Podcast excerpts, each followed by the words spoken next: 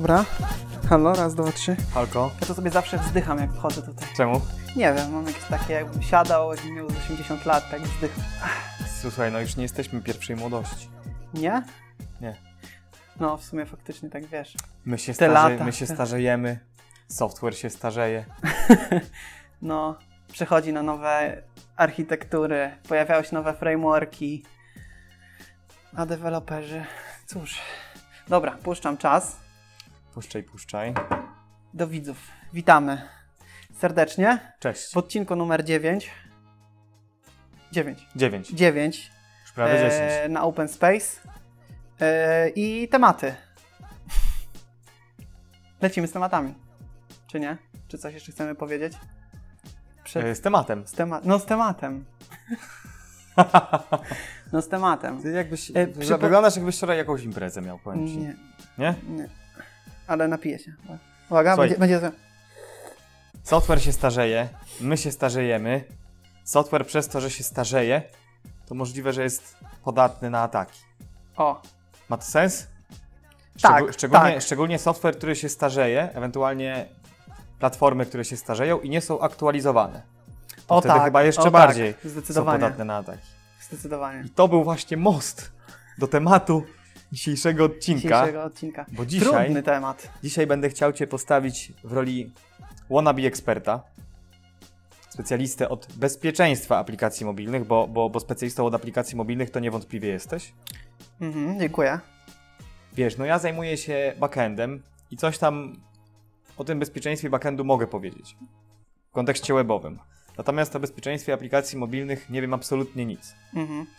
E, więc byłoby mi bardzo miło, gdybyś mi poopowiadał trochę właśnie, jak to się tam e, odbywa, to wszystko. Jasne. W ogóle ja Bo- bym trochę, trochę bym zaczął od tego, że to bezpieczeństwo, bo będziemy gadać dzisiaj w ogóle o bezpieczeństwie, z jakby założeniem, że pogadamy o apkach mobilnych, bo to jest okazuje się bardzo specyficzny sposób dbania o bezpieczeństwo, bo bardzo specyficznie się do takich aplikacji dobiera.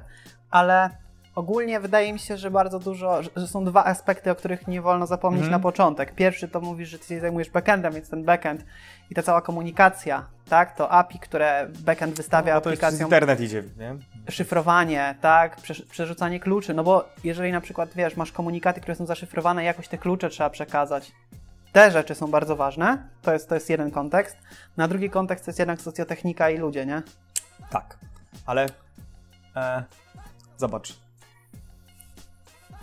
Aplikacje backendowe, które mają wystawiane interfejsy na świat, mogę sobie spróbować zhakować je Mhm. poprzez mm, te interfejsy.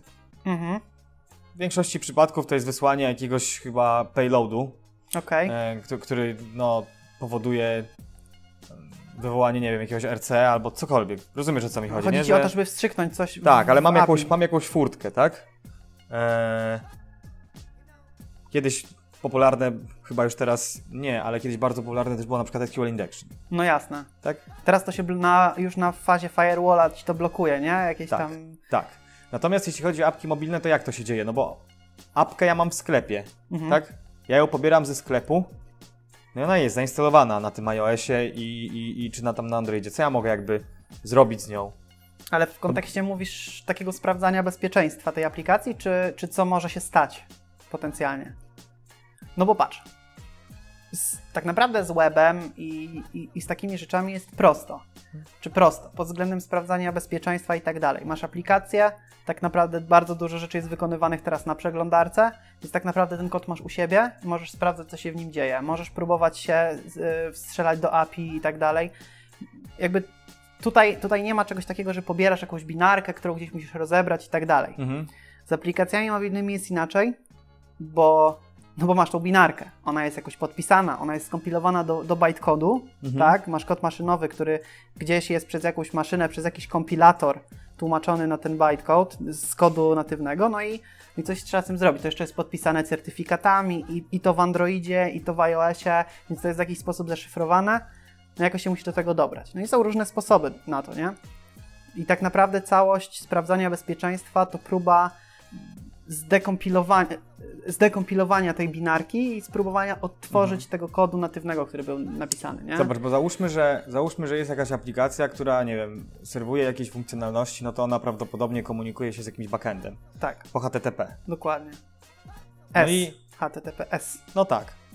I ja chciałbym na przykład e, mieć możliwość podejrzenia, e, jakie to są komunikaty i gdzie wysyła ta aplikacja. Mhm. No to Mógłbym, Tak jak mówię, mo- że- można na przykład śledzić te requesty? O tak, już Ci mówię, jak to wygląda. Można to robić, e, tylko jest kilka zasad. To nie jest takie proste, wbrew pozorom, i wiadomo, że normalny człowiek raczej tego nie robi, ale osoby, które chcą zrobić Ci krzywdę lub osoby, które zajmują się badaniem bezpieczeństwa, pentesterzy, robią takie rzeczy. I teraz w zależności od platformy. W Androidzie jest troszkę prościej, jak możesz się pewnie domyślić. E, ale to wynika z tego, że Android po pierwsze był open source, po drugie jest na Linuxie. Mhm. To jest system bazujący wprost. Oba, oba systemy, i iOS, i Android, to są systemy bazujące na Unixach, z czego Android jest bardziej Linuxowy, więc gdzieś na przykład wiele komend i narzędzi ma preinstalowanych, plus do tego wszystkiego, no jesteś w stanie wiedzieć mniej więcej, jak ten system jest zbudowany, tak? Mhm. Bazuje na kernelu tym Linuxowym i tak dalej. I w Androidzie jest o tyle prościej, że podłączenie, tak naprawdę możesz podłączyć sobie urządzenie i wprost debugować sobie z urządzenia, tak, pewne rzeczy. Co więcej, możesz sobie ściągnąć... Ale jeżeli mam kod źródłowy tej aplikacji, Wystarczy, że masz binarkę, którą możesz zdekompilować. Binarka, binarka czyli APK w przypadku Androida, tak. Czyli nawet mo- możesz robić sobie, możesz to brać sobie urządzenie, ale nie musisz, możesz mieć zwykłą binarkę APK. I teraz tak, APK w każ- dzisiaj na Androida możemy pisać w różnych rzeczach. Flutter, czyli możemy w Go pisać, możemy pisać w Kotlinie, ale to wszystko na koniec dnia ląduje do JVM-a, do Java, Java kompilowana w JVM-ie, a później ląduje w Dalviku, czyli w e, maszynie androidowej. Mhm. No jest tłumaczone na bytecode. Java, jak sam wiesz, jest już tyle narzędzi do dekompilacji Java, nawet obfuskowanej, że jesteś w stanie sobie odtworzyć kod mniej więcej, który był skompilowany w APK, nawet No podpisany. tak, ale nie? to APK nie jest jakoś podpisane, w sensie zaszyfrowane czymś? Jakby- Jest, jest, ale masz coś takiego jak deszyfratory, które są w stanie odblokować to, są w stanie zdjąć tą deszyfrację. E, a tą nawet szyfrację jeżeli, są. Znaczy, szyfrację są No. w stanie deszy- zdeszyfrować to. E, a nawet jeżeli ta aplikacja możesz po pierwsze wydobyć certyfikat, po drugie możesz zrobić coś takiego, że zde- spróbujesz zdekompilować APK albo przerobić podpis na swój. Czyli możesz spróbować pobrać APK, które jest podpisane, spróbować to APK podpisać jeszcze raz, czyli rozebrać je do bytecodu, który jest zaszyfrowany, podpisać ten bytecode swoim wygenerowanym certyfikatem deweloperskim i wrzucić na urządzenie, a później zdekompilować to, które już jest podpisane twoim, twoim e, certyfikatem. Jedna Ale rzecz jest, powiedzieć, że ja jedna rzecz sobie, jest no, ważna. Jedna rzecz jest ważna. No musisz to robić na zrutowanym systemie. Tak? Chcesz mi powiedzieć, że ja na przykład mogę sobie pobrać APK, re, Revoluta APK, Mhm. zdekompilować go Mhm. bez problemu Mhm. i, i stawiać sobie breakpointy? Mm, Breakpointów nie możesz, bo pewnie kod jest zaobfuskowany, więc ma pousuwane symbole, ale jesteś w stanie to Znaczy, sobie... no, znaczy no jakby nie zrozumiem tak, jesteś w stanie sobie ale to odtworzyć, tak. Trudno jest mi to zrozumieć, że to jakby, że te deszyfratory, jak ty to nazywasz, że to działa w ogóle. Na jakiej zasadzie to jest? Bardziej, bardziej ten drugi sposób, nie? Czyli, że no. podpisujesz sobie aplikację swoim certyfikatem i na zrutowanym urządzeniu, omijając jakby sprawdzanie podpisu certyfikatem, jesteś w stanie odpalić tą binarkę. Hmm? I to działa, no bo w ten sposób robi się pentesty, tak? W sensie, no jesteś w stanie ściągnąć aplikację ze sklepu Play no i spróbować ją rozebrać. Teraz pytanie, czy ona jest dobrze zaobfuskowana, czy na przykład ma e, w miarę fajnie po- popisane metody, które powodują, że na przykład nie, nie odnajdziesz pewnej części, bo jeszcze jest jedna ciekawa rzecz, że tak naprawdę z poziomów pewnych narzędzi do pentestów możesz na żywo wywoływać metody, albo podmieniać metody w, w oryginalnym kodzie, nie mając w ogóle dostępu do projektu. To jest w Mhm. ogóle ciekawa rzecz. Więc trzeba bardzo uważać, nie?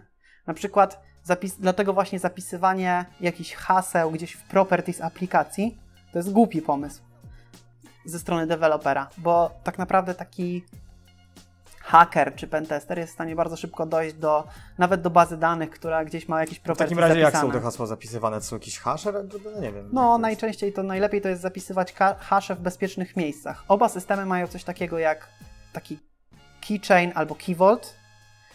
e, który jest szyfrowany sprzętowo. Co więcej, w iOSie jest bardzo ciekawa rzecz z keychainem. Tam się trzyma właśnie hasze, nie? które później porównujesz na przykład z hasłem, które wpisuje użytkownik. I to jest w ogóle ciekawa rzecz w iOSie, bo oni mają tak dobrze schowany ten klucz sprzętowy do keychaina, że nawet jeżeli chciałbyś go fizycznie, się fizycznie dostać do niego w iPhone'ie, to prawdopodobnie uszkodzisz moduł bez, wcześniejszy, którego nie jesteś bez którego nie jesteś w stanie już dostać się do keychaina. Czyli jest to tak fajnie zaszyfrowane, że jakbyś chciał to odszyfrować, dostać się fizycznie do tego klucza, to zniszczysz moduły fizycznie, które. Czy które fizycznie są w sensie, że chciałbyś rozebrać? Tak, tak, tak, tak. Nie? Czyli jest to dosyć dobrze zrobione i przemyślane tak też konstrukcyjnie, nie? Mhm. Bardzo fajnie. Tak to wygląda. A jak z apkami właśnie na iOS? Jest troszeczkę trudniej, bo o ile na Androida możesz sobie taką aplikację czesać statycznie, w sensie sprawdzać statycznie, o tyle w iOS już nie jest tak łatwo. I musisz, tam są pewne triki, żeby wyciągnąć aplikację działającą. No dobra, może inaczej, od początku. Żeby w ogóle się bawić na iOSie, musisz mieć jailbreaka, Mhm. co już nie jest takie y, trywialne. Mhm. Tym bardziej, że iOS się bardzo zmienia i dlatego zaraz przejdziemy do tego, dlaczego warto aktualizować system i aktualizować aplikacje na system i nie wspierać starszych wersji, co nie zawsze jest dobre, ale czasami trzeba. E, ale po pierwsze musisz mieć jailbreaka, po drugie aplikację najpierw musisz zbudować, ponieważ ona z natury swojej jest zaszyfrowana. Część aplikacji, tej, którą napisał deweloper plus dependency są zaszyfrowane i rozszyfrować je, one się odszyfrowują dopiero w momencie, jak aplikacja wchodzi w działanie, czyli No runtime. no. Czyli musisz fizycznie odpalić aplikację, zatrzymać ją debuggerem, pobrać sobie, zobaczyć, jak, gdzie jest, powiedzmy, gdzie zaczyna się ten kod, t- ten, ta część binarki, która nas interesuje, gdzie się kończy, wyciąć ją i wkleić do naszego statycznego, do naszej statycznie pobranej aplikacji. I wtedy dopiero jesteś w stanie gdzieś tam spróbować odtworzyć e, tą aplikację. I teraz w zależności od tego na iOSie też to jest o tyle trudne, że po pierwsze zależy, czy system jest 60 32 czy 64-bitowy, bo to też jest trudniej, tak? E, Po drugie, bo nie wszystkie narzędzia działają na 64-bitowych systemach. Po drugie, e, też dosyć istotne jest to, w czym aplikacja jest napisana, bo Objective-C ze względu na to, że już trochę czasu jest rozwijany, to, to tych narzędzi jest więcej i Mhm. łatwiej jest na przykład wywoływać sobie wprost na binarce metody Objective-C niż na przykład w Swiftie, szczególnie do tej pory, bo dopiero Swift 5 wprowadził stabilność tych budowania binarek. Do tej pory to była piaskownica, więc nawet nie powstały żadne fajne narzędzia do tego, nie? Mhm. Ale da się to robić, więc jest to ciekawe. No. To na którą platformę jest prościej? Na Androida? Nie ma chyba takiego, e, takiego rozróżnienia. No jest inaczej. Wydaje mi się, że taki próg wejścia będzie niższy na Androida. A można się jakoś przed tym zabezpieczyć? Jakby mm, przed publikacją e, do App Store'a? Mm, Nie. Nie można się zabezpieczyć, ale są, są sposoby zabezpieczania się, jeżeli wiesz, że, że na przykład będzie to, będzie to działało. Zobacz. W iOSie na przykład jest tak, że aplikacja, która ląduje w App Store, ma pewne ograniczenia w stosunku do systemu. Na przykład każda aplikacja może odpalić tylko jeden proces. Mhm. Jeżeli aplikacji uda się odpalić dwa procesy w systemie, znaczy, że jest na systemie, który jest skompromitowany, czyli jest zjailbreakowany de facto. Mhm. Czyli deweloper może sobie napisać kod, który sprawdza, czy aplikacja może odpalić na wejściu drugi proces. Jeśli nie może, to no okej, to jedziemy dalej. Jeżeli może, to na pewno Czyli jest tak naprawdę sprawdza na jailbreaka. jailbreaku. Tak. A to, e, no bo, no bo jakby kiedyś mówiłeś właśnie, że, że przed publikacją tych apek do App Store'ów one są jakoś weryfikowane, sprawdzane. Tak. No i co, oni nie weryfikują tego, że. No bo, no bo to jest jakiś taki kod, który jest zależny, którego jakby zachowanie jest zależne od tego, czy system jest właśnie skompromitowany, czy nie. I Tak. nie da się tego sprawdzić? Wiesz o co mi chodzi? Da się, ale Apple nie zakłada, że użytkownik będzie. Apple nie rozwija narzędzi do dekompilacji swoich, e, swojego systemu i swoich aplikacji, tak? Ale mm, oni nie sprawdzają tego, czy ty nie próbujesz w kodzie robić takich haków? Ale to system ci ubije to. W sensie, jeżeli jesteś na no, systemie, który jest zdrowy, to próbując odpalić drugi proces, aplikacja po prostu ubijać ten drugi proces i tyle. I to jest na poziomie systemu. Apple nie musi tego sprawdzać. Nie odrzuci ci aplikacji, która próbuje odpalić drugi proces, No bo właśnie ona, o to nie, pytam. bo ona jej nie, nie odpali tej tego drugiego procesu. Ale ty jako deweloper możesz się zabezpieczyć, że jeżeli aplikacji udało się odpalić drugi proces, to na przykład wyczyść wszystkie dane z aplikacji. Mhm. I wtedy, nawet jeżeli atakujący się zaczyna dobierać na jailbreaku, na zjailbreakowanym urządzeniu do Twojej aplikacji, no to może sobie robić co sobie chce, bo de facto to i tak w tej aplikacji nie ma żadnych danych. Może sobie jedynie przejrzeć kod, jeżeli udało mu się go zdekompilować, nie? Jasne, a tak. A czysto biznesowo, po co się robi takie akcje? Po co się hakuje te apki? Żeby podejrzeć ruch sieciowy? Nie wiem, logikę działania? Wiesz o co mi chodzi? Nie, robi się to po to, żeby zobaczyć, czy aplikacja jest wystarczająco zabezpieczona, nie? Czy dane użytkownika nie wyciekną. No bo zobacz, wy... Albo na przykład, czy nie są, nie wiem, wysyłane gdzieś, tak? No, możesz to też sprawdzić. Na przykład, żeby, żeby monitorować ruch sieciowy na urządzeniu, musisz mieć fizycznie podłączone urządzenie, no i jakieś narzędzia, typu Wireshark na przykład, tak? Jasne, no chyba, że poczekaj, no a jak jestem do hotspota podłączony jakiegoś swojego takiego, no to też mogę na przykład na poziomie. A, no tak, oczywiście ruch sieciowy możesz w sieci podglądać. No zależy Jasne. do czego masz dostęp, tak? Mhm. Jeżeli masz dostęp do, do urządzenia, to możesz nawet, możesz też patrzeć, z czego urządzenie się, do czego Mhm. się urządzenie łączy. To zależy, co Cię interesuje. Jak jesteś podpięty do hotspota swojego, czy tam do swojego routera, no to patrzysz, co się dzieje w sieci. A tu możesz patrzeć, co się dzieje na urządzeniu. Jasne, nie? no była ta akcja przecież z telefonami Xiaomi, nie? E, co to była za akcja? No, że okazało się, że telefony Xiaomi wysyłają mnóstwo danych do serwerów chińskich. A, no tak. To było chyba grube. A to nie, to No. nie było, to nie był e, Huawei? A może? To był Huawei chyba, nie? A powiedziałeś jeszcze, że powiesz, dlaczego warto jest aktualizować apki i nie, nie, nie wspierać starej wersji.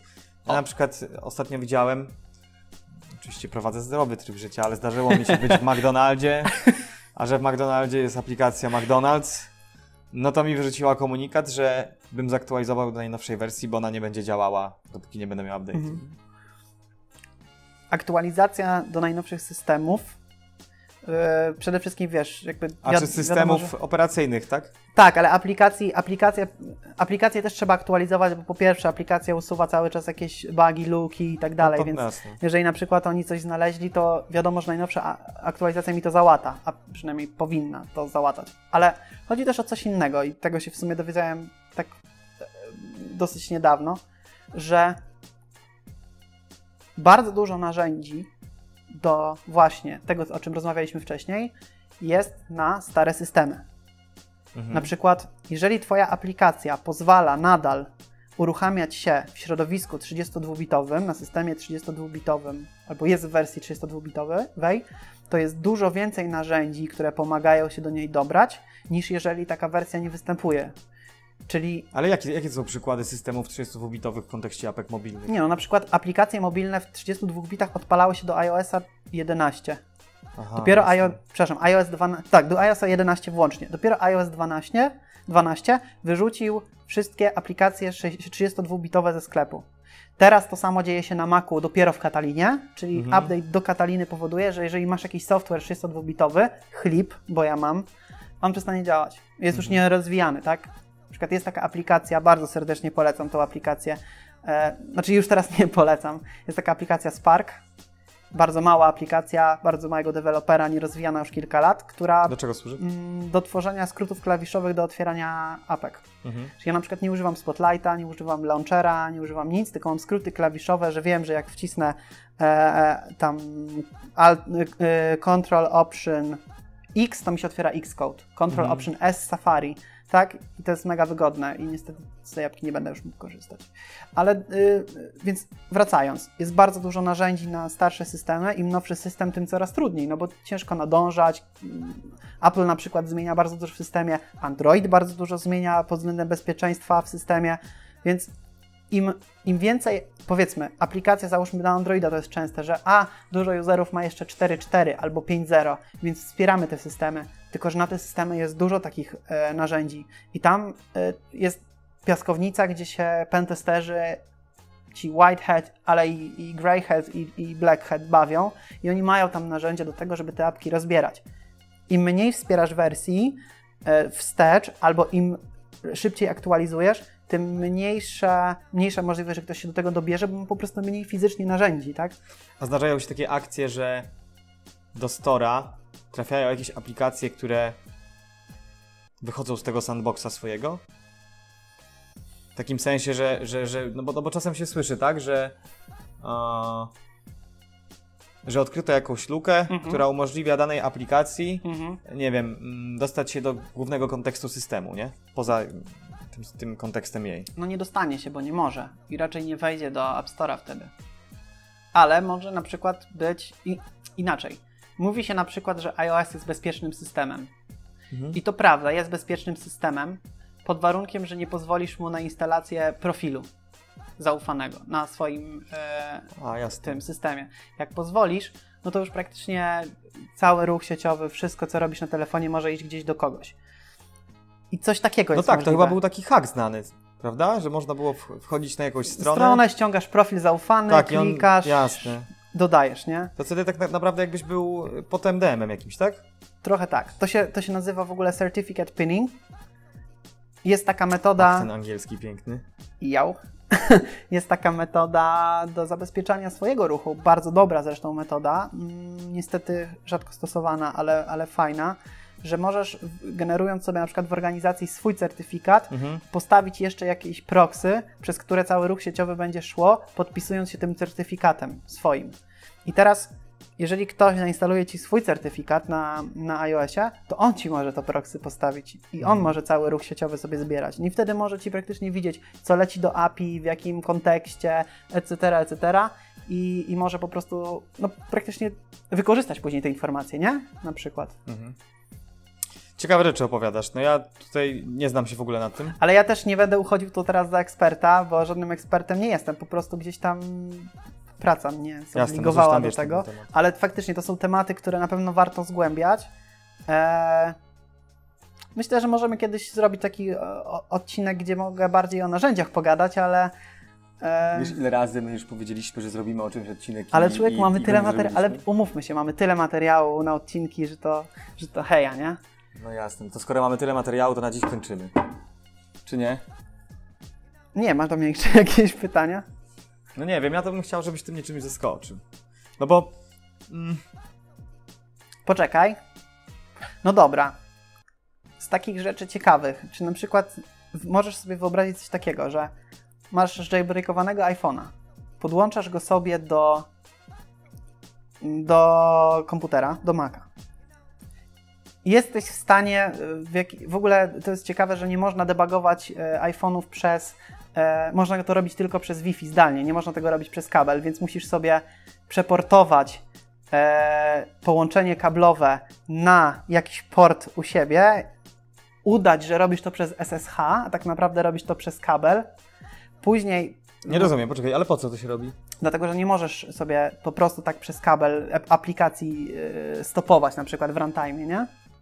Możesz to robić tylko zdalnie. Taki jest zbudowany system iOS. No, Więc, a ale to po co musisz cokolwiek udawać? To jakby No bo platforma deweloperska na iPhone tego nie, chodzi o to, nie, chodzi o to, że to są narzędzia znowuż. Aha, nie możesz okej, tego a, jasne, robić. Nie ma tego, nie ma fizycznie takiej możliwości, żeby przez kabel sobie zastopować działanie aplikacji. Mhm. A możesz to zrobić przez LLDB, czyli przez taki debugger de facto. Mhm. Tylko musisz to, musisz udać, że robisz to przez SSH. I są takie narzędzia, które to robią, ale to nie jest wszystko.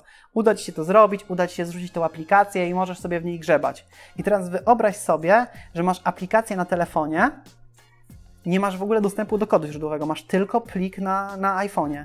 I możesz sobie z wiersza komend z terminala wywoływa- patrzeć, jak jest, y, wywoływać klasy, wywoływać metody live i widzisz, co się dzieje. Na przykład był taki case, że masz na przykład ekran logowania i musisz pisać hasło i nie znasz tego, tego, ale wiesz, jak jest zbudowany system iOS i wiesz, że to jest jakiś modal, który możesz, e, możesz na nim wywołać metodę dismiss view controller i on się, i on zejdzie.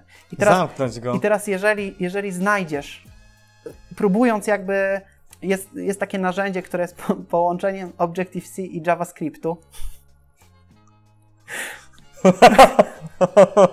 e, które pozwala ci gdzieś tam łazić po tym, po tym e, No. kodzie, jeżeli udało ci się go zaobfuskować, znaczy zdekompilować, nie był zaobfuskowany, więc masz Jeżeli symbole i tak dalej. nie? I jesteś w stanie live z wiersza poleceń wywołać metodę, która coś zrobi w działającej aplikacji. Jest to mega ciekawe. Oczywiście, wiesz, musisz znaleźć instancję, gdzie jest Słuchaj, czyli na, i przykład, tak czyli na przykład załóżmy, że, że jest jakaś apka, która ma ograniczenie czasowe, nie? Tak, tak, Przez tak, 15 tak, minut, tak, to, tak. to ja jestem w stanie sobie w jakiś sposób zamknąć ten pop-up i dalej... Jesteś w stanie znaleźć metodę, bawić. która zwraca ci ile czasu zostało i na przykład ustawić, żeby zawsze zwracała prawdę. Czyli tak jakbym robił takie moki. Tak. Albo na przykład, jeżeli Widzisz, jest dobrze, że nie skończyliśmy odcinka, bo to jest bardzo ciekawe. Widzisz, na przykład albo Ale jest, hit. albo jest aplikacja, która, nie wiem, pozwala ci, nie wiem, załóżmy Spotify, pozwala ci, nie wiem, w wersji darmowej na 6 słapnięć e, tylko na godzinę, a później się blokuje, No. nie, tam na dzień. No ale na przykład, gdyby była, gdybyś mógł tak, Spotify jest pewnie dobrze zabezpieczona i tak dalej, a gdyby była taka aplikacja przykładowo tak, z taką funkcjonalnością, to byłbyś w stanie znaleźć metodę, która to robi i na przykład, żeby ona zawsze zwracała jakąś cyfrę, która jest różna od zera, tak? Większa od zera. I koniec, i już masz coś, co obszedłeś, a powiedzmy normalnie trzeba było za to zapłacić. Nie? Umiesz robić takie rzeczy? Umiem to dużo powiedziane, ale bawię się tym. Na, na YouTubie tutoriale.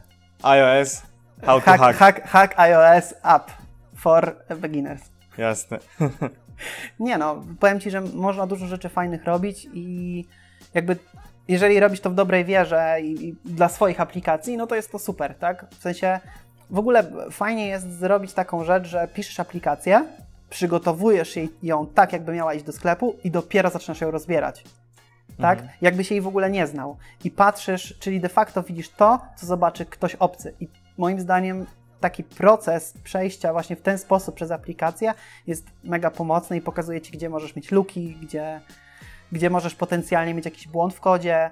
Na przykład, e, już na koniec powiem, że jest taka metoda, jest wiele metod, żeby się chronić przed tym, ale na przykład jest taka metoda, w jaki sposób dobrze pisać kod. Na przykład napisać metodę, która ma jakąś nazwę, która jest e, bardzo ciekawa, może być dla atakującego. Na przykład, nie wiem, authenticate albo get password, nie? To słyszałem o tym, tak. I jeżeli ktoś, i na przykład ta metoda może być pusta, albo może posiadać kod, który jeżeli zostanie wywołany, to na przykład czyści wszystko z urządzenia, nie? Albo wysyła gdzieś jakiś request, że ktoś próbuje, że ktoś wywołał tą metodę, mimo że ona nigdzie w systemie nie jest, aplikacja nigdy jej nie wywołuje, nie? No, jasne. Czyli to jest tak, tak naprawdę taki e, przynęta. Trochę tak, no. Taka marcheweczka. Marcheweczka. tutaj zobacz, get password, Masz tutaj. wywołaj. A potem jest nie ma. No powiem ci, końcówka Kubuś Petarda, nie? Dobrze. Udało się. Zaskoczyłem cię jednak. No, z tym zamykaniem na przykład modali to jest klasa. Mm. No, pokażesz mi na żywo kiedyś, jak będziesz może to robił, coś takiego. No, spoko, bardzo chętnie. No dobra, to teraz jeszcze porzućmy trochę o szery, lajki i komenty i E, dawaj. drodzy przyjaciele, znajomi, słuchacze, widzowie. Lajkujcie, subujcie, piszcie komentarze. Ej, ale naprawdę, bo ogólnie rzecz biorąc, no to im więcej szerów, tym bardziej YouTube cię promuje i tak dalej, No. więc jak nas lubicie, jak nas znacie, jak nas nie znacie, ale lubicie, albo szanujecie, no to wrzućcie tam sobie na ten, na Face'a do siebie, albo na Twitterka. Widzisz, bo to jest coś właśnie, co... Powinniśmy się od małych dzieci uczyć tego, nie? Jak wchodzisz na YouTube'a, to tam każdy YouTuber, nie? Na początku formułka, na końcu formułka. Kliknij. Oni tam się pozabijają o te szery. No, to może zróbmy tutaj, że kliknij tutaj i zasubskrybuj nasz O. kanał. To byłoby dobre, no? To byłoby taki engagement, nie? Wiesz, że zamiast dyskutować na wizji, to powinniśmy to po prostu robić. co nie? Dobra, e, to co? To tu pojawi się kwadracik, zasubskrybuj Tak jest. i klikajcie. I co, do następnego. Do następnego. Dzięki.